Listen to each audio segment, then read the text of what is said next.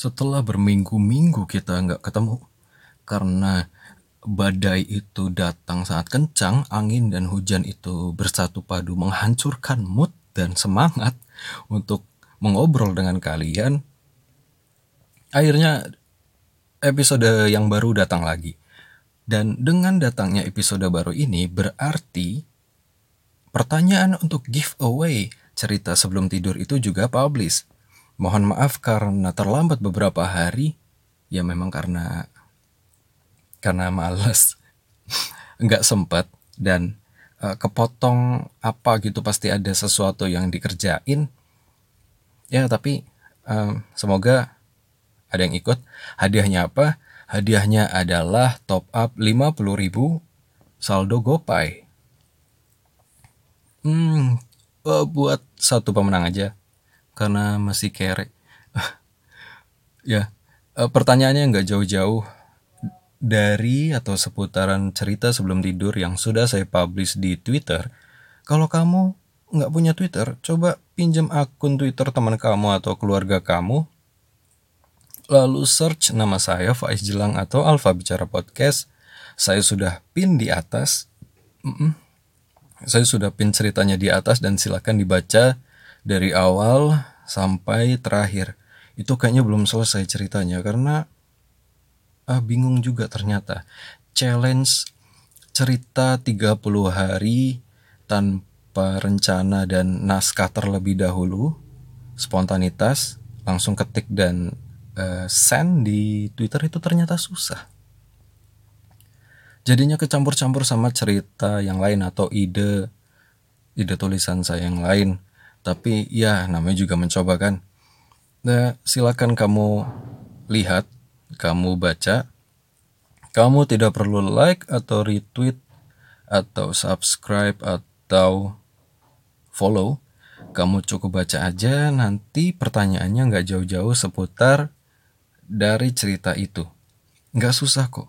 Dan iseng dapat hadiah top up 50 ribu kan lumayan. Ayo opening dulu.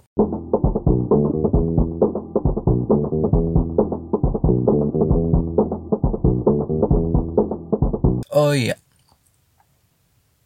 Uh, cerita apa kali ini? Soalnya saya tidak mempersiapkan skrip atau ide cuma karena sudah kelamaan nggak publish rasanya pengen publish juga karena udah di udah ditanyain sama teman-teman hmm, ya udah ditanyain tapi gimana ya? Bingung juga. Ternyata multitasking itu susah. Uh, mungkin saya nggak mengurangi pokok bahasan eh topik bahasan tentang politik atau tentang eh, kejadian terkini. Karena mungkin sangat subjektif dan butuh eh, riset yang sangat panjang dan lama. Dan itu riset itu menguras pikiran dan tenaga, menguras waktu juga. Jadi waktu publishnya agak lama dan eh, sedangkan harus mikir macam-macam dan gak fokus waktu browsing atau mencari materi jadinya nggak ini juga nggak dalam juga akhirnya kan nah, episode terakhir kemarin adalah tentang uh, inner child uh, semoga kamu itu sudah mencari tahu apa itu inner child. Karena saya menjelaskan tidak komplit dan sebenarnya ada yang sudah saya kepikiran gitu. Oh ini kurang nih. Lupa nggak dibahas. Tapi udah selesai record. Jadinya ya udah deh. Kamu pasti lebih pinter buat nyari bahan dan cari tahu yang sebenar-benarnya. Niatnya episode ini saya mau cerita uh, cerita yang nggak jauh-jauh dari um, uh, tweet saya yang itu yang jadiin bahan giveaway yaitu cerita sebelum tidur. Kamu mungkin bingung ya kalau teman-teman follow saya ini anak ngapain sih? gitu. Uh, bikin artwork tulisan cerita sebelum tidur ada video. Kalau kamu yang sudah membaca mungkin juga lihat di sela-sela tweet itu saya kasih uh, lagu. Saya kasih lagu. Saya kasih lagu penunjang yang rata-rata. Saya yakin sih 50% kawan-kawan mungkin nggak tahu itu lagu dari mana ya. Itu kebanyakan lagu dari uh, musisi Malaysia terutama yang namanya Noh Saleh. Saya sangat uh, suka ya dia karena dia itu saya taunya itu dia band ini personilnya Hujan yang alirannya itu punk punk rock alternatif. Tapi ketika dia membuat solo uh, proyek solonya dengan nama Noh Saleh dia itu sangat keluar dari karakter band yang terdahulu. Dia nggak keluar tapi dia solo aja gitu. Dia lebih ke pop era-era Melayu yang lama mungkin bisa dibilang uh, folk mungkin atau indie kalau di sini. Kurang lebih mirip-mirip kayak sore band sore. Dan uh, sepengetahuan saya juga dia itu akrab juga sama beberapa musisi di dalam negeri sini. Uh, dan sore itu juga sama sore itu juga. Band sore namanya. Itu juga akrab. Lalu The Changcuters juga akrab sama dia dia juga punya proyekan macam-macam selain di musik uh, di NTT atau di NTB gitu. Dia sering bolak-balik Indonesia dan uh, Syria mungkin. Dia agak aktif dan vokal untuk kritik sosial dan kemanusiaan dan saya suka sih. Saya suka uh, secara personal personality dan karya musiknya. Kamu bisa cari referensi tentang Noh Saleh itu di YouTube, di Spotify, atau di mana pun. Ya berbagi playlist aja sih. Karena uh, sejujurnya saya tidak terlalu mengikuti banyak musisi lokal saat ini. Karena saya nggak suka kalau misalnya lagi tren itu terus yang lain dengar saya ikutan dengar um, gimana ya? Ya mungkin beberapa ada yang cocok. Ya karena musik atau karya seni ini kan urusannya sama selera terlepas dari urusan teknis uh, pendengar itu kan taunya ya yang sesuai sama selera atau mood dirinya atau cerita dirinya yang sedang diangkat gitu. Uh, jadi di di Twitter di cerita sebelum tidur itu saya menceritakan seorang laki-laki dan perempuan yang memiliki hubungan yang agak pelik. Gak agak lagi sih itu pelik sih menurut saya. Jadi di mana dia itu um, suka sama perempuan. Hmm, sukanya itu secara nggak sengaja gitu karena satu kampus tapi beda jurusan um, ketemu karena hujan. Karena hujan-hujan kejebak di kampus. Lalu yang perempuan ini juga lagi nungguin hujan reda karena dia nggak bawa payung dan nggak bawa motor. Si laki-laki ini juga nggak bawa motor nggak punya mungkin atau nggak beli gitu kan. Dan terjebak dalam satu atap yang sama di gazebo itu yang isinya itu cuma beberapa orang. Salah duanya adalah mereka. Dan emang karena laki-laki ini mungkin keganjenan ya saya menuliskannya atau menggambarkannya jadi ya dimulailah dari situ. Selain saya spoilerin sekalian.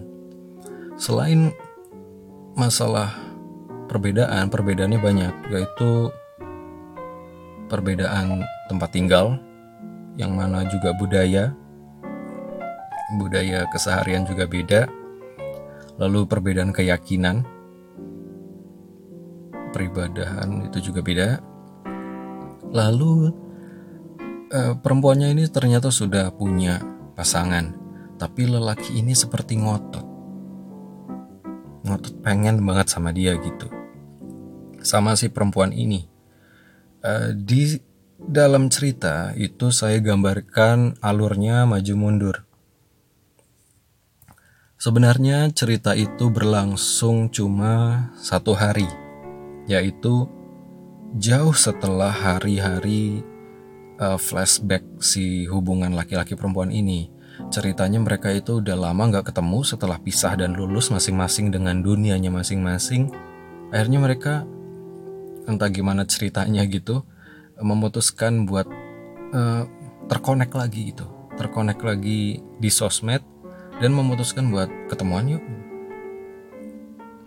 Akhirnya mereka setuju untuk ketemuan, ketemuan di salah satu kota di Jawa.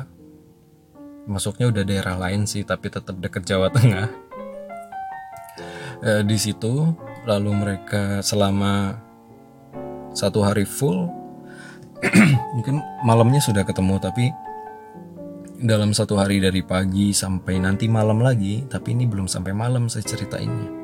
Itu mereka pergi ke tempat macam-macam muter. Sorry. Muter-muter ke tempat wisata di sana. Saya juga beberapa nulisin nama wisatanya juga. Mungkin kalau kamu juga pengen ke tempat itu, itu tempat asli, cuma beberapa namanya itu saya plesetin tapi tetap kelihatan sih. Hmm, di situ mereka bernostalgia tentang cerita kedekatan mereka,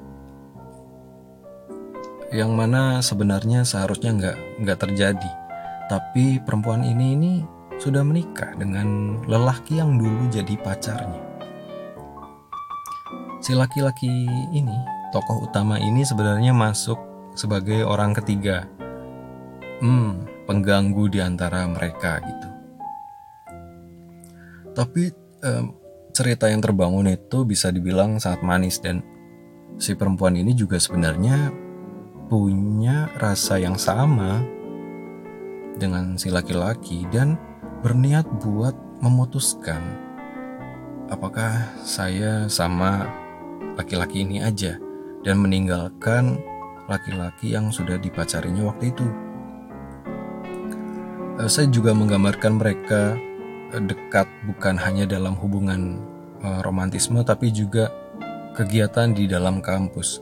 Mereka juga aktif berorganisasi lalu sempat diberi kesempatan buat berkunjung ke negeri Sakura untuk acara perwakilan dari universitas salah satu universitas dari perusahaan rokok saya menggambarkannya. Lalu mereka digambarkan hmm, ya mulai membangun kedekatan di situ.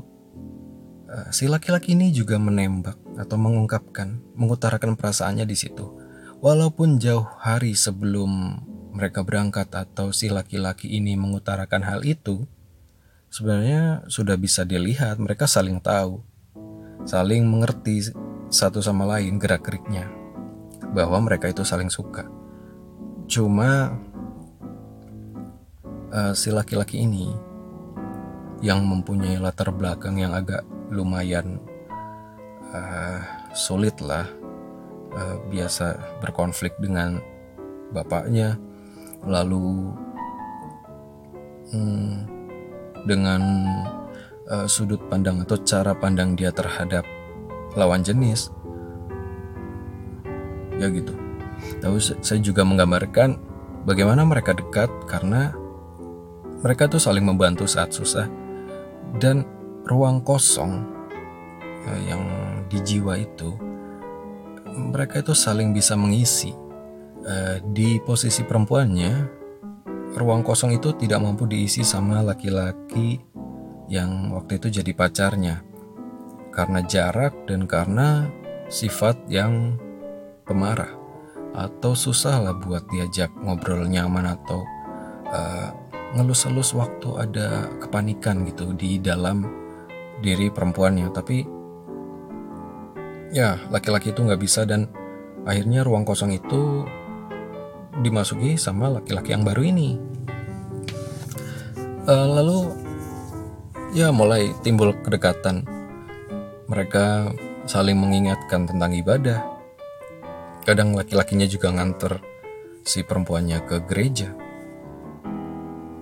Lalu waktu momen di mana sangat down si perempuannya itu karena saya tuliskan bapaknya meninggal. Laki-laki ini juga setengah kok setengah?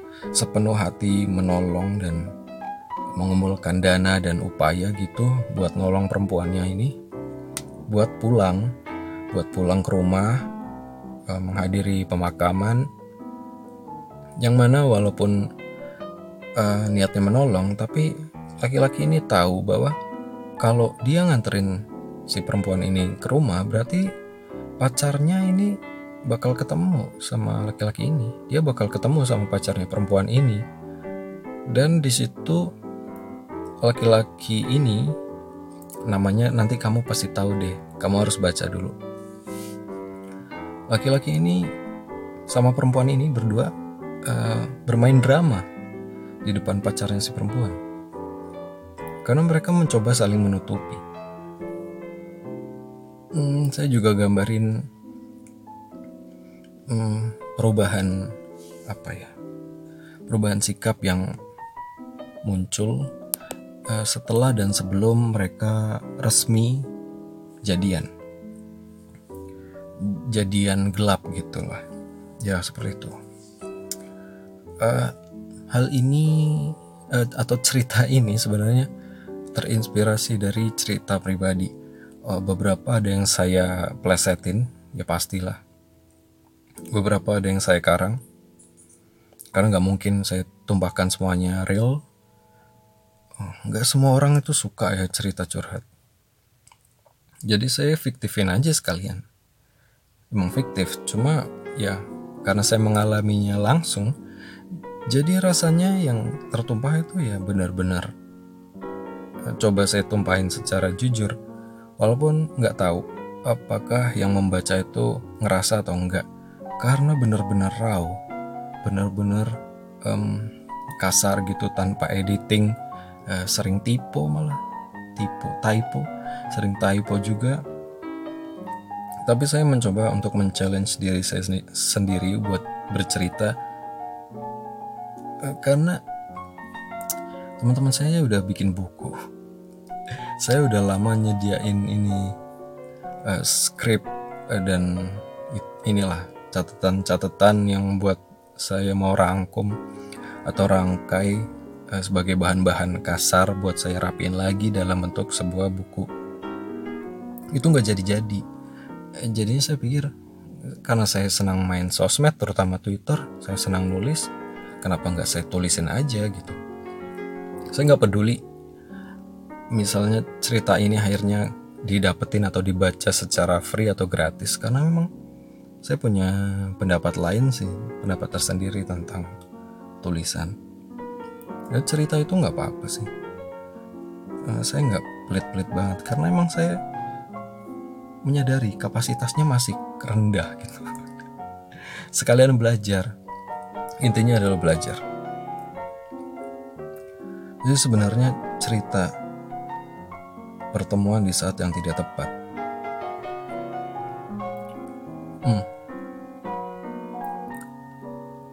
saya coba memposisikan kamu itu sebagai uh, sosok yang pernah hadir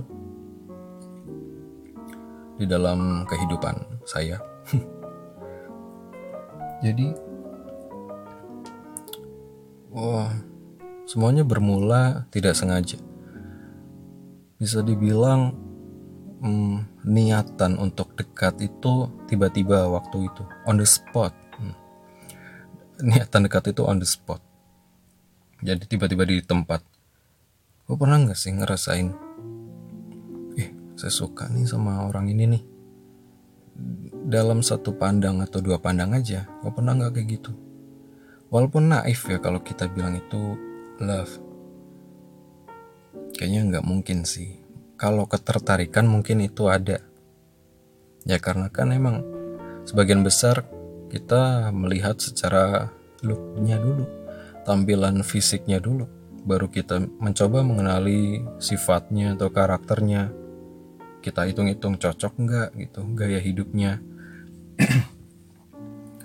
jadi waktu itu kamu itu saya lihat cukup berbeda dan menarik gitu. Dari jauh saya lihat ya sangat berkarakter beda sama hmm, teman-temanmu yang lain. Sorry. Nah, saya lihat hmm, uh, kamu terlihat cukup smart dengan kacamata yang transparan dengan gaya yang santun dan sederhana, dan gaya tutur kata yang berbeda dengan orang-orang lain. Waktu itu kan saya senior secara nggak langsung, dan kamu satu tahun di bawah saya, satu tingkat. Saya mencoba cari-cari nama dan saya nggak nemu. Nggak nemu namanya siapa. Itu kali pertama waktu momen buka bersama. Saya mungkin hmm, pernah nggak jujur atau nggak cerita soal ini. Jadi setelah itu jauh berapa minggu atau beberapa bulan, mungkin beberapa bulan deh sampai lebaran kayak itu buka bersama dan nonton bareng film apa gitu. Tapi karena acaranya nggak terlalu asik, jadi ya mungkin kamu bete kan. Kamu keluar dan uh, saya sudah kehilangan jejak, kehilangan jejak dan tiba akhirnya momen musik momen musik. Yaitu momen musik pertama di fakultas itu. Dan teman kamu itu ada yang jadi ini juga anggota anggota panitia juga. Mereka menyarankan kamu buat jadi salah satu um, pendukung lah pendukung dalam kegiatan itu. Yang mana itu nice akhirnya dunia itu nggak jauh ya nggak eh nggak nggak lebar-lebar banget gitu. Sempit dan akhirnya kita ketemu. Bukan kita ketemu sih akhirnya aku lihat kamu lagi. Kamu cukup pendiam walaupun saya waktu itu juga ngisi ngisi acara musik tapi kamu cukup uh, pendiam kita pernah duduk bersebelahan. Uh, dan di situ saya lihat kamu curi-curi pandang mencuri-curi pandang. Hmm, uh, kamu sibuk mainan BB, BlackBerry, yang mana aku belum punya BlackBerry karena miskin. uh, sore itu saya main di depan dosen dan beberapa teman sebagian kecil karena openingnya aja. Lalu acara dipending dulu istirahat dan dilanjutkan setelah Isya. Setelah sholat Isya, sekitar jam 7 atau 8 malam. Di situ suasana mulai mencair di antara kita ya. Dan juga jalannya acara itu juga mulai enak. Karena antusiasnya bagus. Yang mengisi acara bagus-bagus dan antusiasnya bagus. Sehingga band saya nggak kebagian slot lagi gitu. Itu bagus. Akhirnya kamu yang jadi MC dan saya jadi runner. Yang ngasih tahu yang mana kita itu harus koordinasi. Eh, saya harus menyiapkan performer selanjutnya atau rundown apa setelah ini dan kamu harus tahu juga. Akhirnya kita berkoordinasi kita berkomunikasi dan kadang aku sebenarnya nggak ada keharusan atau kewajiban buat marahin kamu. Tapi sengaja aja gitu buat iseng. Kita makin lumer dan dekat. Makin lumer dekat dan hmm, singkat cerita kita, uh, eh, ternyata senior saya udah ada yang punya nomor kamu. Saya iseng iseng buat pinjam HP-nya dan saya copy nomor itu. Saya ambil nomor kamu lalu kita mulai chat. Eh bukan chat SMS telepon dan sebagainya macamnya itu. Akhirnya kita dekat dan saya tahu ternyata kamu sudah ada yang punya. Sedih sekali bukan? Ternyata udah ada yang punya dan kita nekat aja kita jalan bareng. Kamu meminjamkan sweater di hujan-hujanan itu. Waktu itu masih warnet ya di sebelah kos kamu itu warnet dan uh, kita iseng aja gitu main ke warnet buka Facebook buka apa gitu. Gitu-gitu doang sih tapi sambil ngobrol. Lalu kita jalan bener-bener jalan karena nggak ada kendaraan.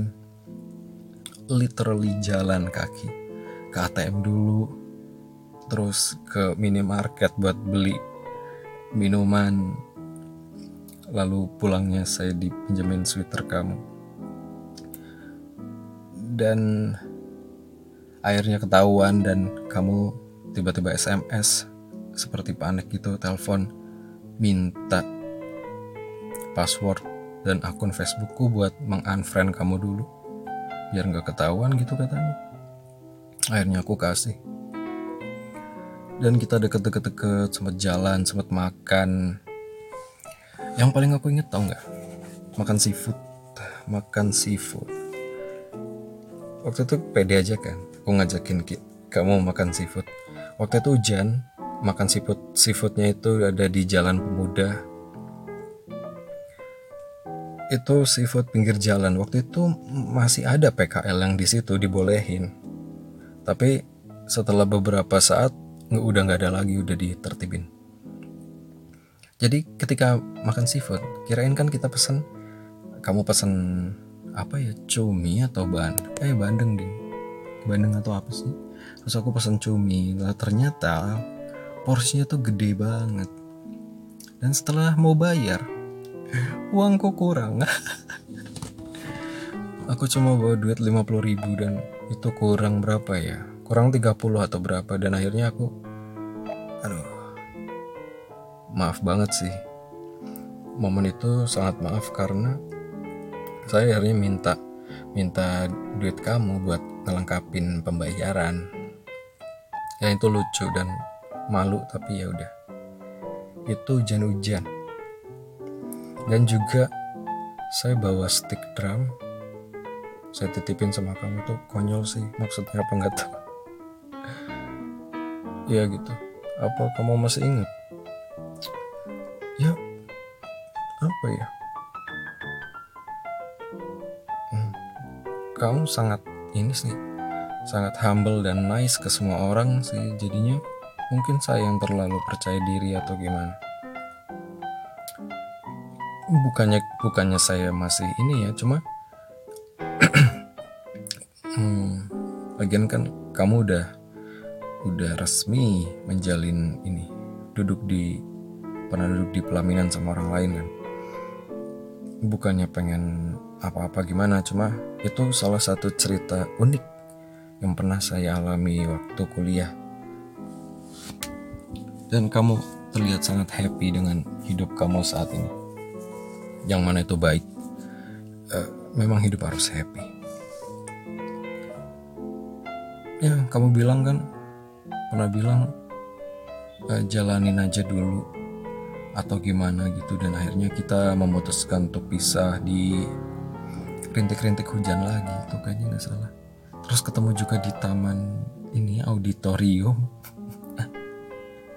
itu lucu lucu tau nggak setiap kamu pengen diantar ke mana dan dijemput gitu saya selalu pinjam motor teman oh ya dan lucu lagi waktu kita sama-sama nerjang banjir ke stasiun. Itu banjir sampai sedengkul. Dan itu lucu sih. Gila itu. Waktu itu saya belum belum ini, belum belum berkelana mengitari kota-kota itu. Saya nggak tahu jalan dan ketika banjir itu selutut, itu sebenarnya puyeng sih karena di mata kayak di laut gitu nggak kelihatan jalannya dan saya takut kita masuk ke selokan dan jatuh kan nggak lucu nggak lucu sih kenapa kenapa berkesannya karena itu? Karena ada cerita-cerita yang unik dan ngeselin di situ. Jadinya nggak lupa. Walaupun ya udah emang emang ya udah. Dan kenapa kamu itu kesel? Waktu kita pisah dan akhirnya aku memutuskan buat uh, jalan sama orang lain, kenapa kamu nggak bilang? Oh, beberapa tahun lalu sebelum kamu memutuskan buat menikah, jauh, kita masih sempat komunikasi mungkin. Aku sempat mikir bahwa sebenarnya kita itu masih bisa connect lagi, cuma kamu mungkin mempertimbangkan sesuatu atau memang nggak mau ngomong dan aku juga sama. Ya seperti itu. Kita nggak sama-sama terbuka dan jujur mungkin. Tapi mungkin emang jalan yang paling baik seperti itu kali ya gitu. Ya kamu adalah salah satu inspirasi atau um, bahan bahan kasar dari cerita sebelum tidur. Ya seperti itu. Terima kasih buat cerita yang lucu dan indah dan memang um, apa ya hubungan kita itu menurutku unik. Tapi saya tahu kamu itu punya banyak hubungan dengan orang lain termasuk dengan temanku sendiri. Karena waktu uh, aku kencan sama salah satu orang kamu juga jalan sama orang lain yang mana itu adalah temanku. Tapi kita dalam kita dalam satu event musik kita nonton musik free di depan distro. Uh, kamu ada di depan pintunya sedangkan aku ada di bawah pohon ya dari jauh kelihatan. Dan waktu kamu dianterin pulang ke kos aku juga ketemu kamu juga karena baru nganterin pulang uh, perempuanku ke kos juga. Uh, lucu sih. Ya itu ini ini jadi curhat ya. Habisnya bingung mau cerita apaan. Eh, nggak uh, apa-apa deh. Bodoh amat. Oh ya jangan lupa jangan jangan lupa buat uh, ikutan uh, challenge uh, challenge. Giveaway giveaway cerita sebelum tidur hadiahnya buat satu orang yaitu top up GoPay 50.000 silakan dibaca dan ketika episode ini publish kamu dengar dulu mungkin bisa atau kamu bisa langsung baca dulu kalau kamu belum baca lalu jawab pertanyaannya. Beberapa hari kemudian setelah hari ini publish dan kamu mengirimkan hmm, jawabannya via DM atau mungkin kamu mungkin mau tag uh, tag dan screenshot uh, salah satu bagian ceritanya di Insta Story juga boleh, nggak apa-apa, di tag ke saya biar saya bisa baca. Dan jawaban paling baik, yang paling menurut saya, hmm, boleh lah, mungkin kamu ini benar-benar baca gitu. Nggak harus benar, nggak harus nggak, harus tepat. Ini bukan teoritis seperti itu. Uh, jawabannya adalah soal opini juga dan kamu kalau baca pasti bisa menjabarkan atau menceritakannya juga sudut pandangmu yang paling masuk itu yang menang uh, dan beberapa hari setelahnya silakan nanti kirim uh, nomor ponsel kamu ke DM dan saya top upin uh, ya segitu aja dan terima kasih kamu sudah selalu mengingatkan saya untuk publish episode uh, jangan lupa buat kirim email di alfabicarapodcast@gmail.com atau kamu juga bisa kepoin Twitter saya, Instagram saya atau channel YouTube-nya ada. Uh, enaknya kita bahas serius-serius atau yang nggak serius. Kau bisa juga kirim saran di situ juga. Ya, terima kasih. Sampai ketemu di episode selanjutnya. Jangan lupa itu giveaway. Kamu gak harus follow kok. Kamu gak harus like, retweet, atau subscribe. Ah, bebas, yang penting jawab aja. Oke, sampai ketemu di episode selanjutnya. Alpha Bicara Podcast. Signing out. Bye-bye. Bye-bye.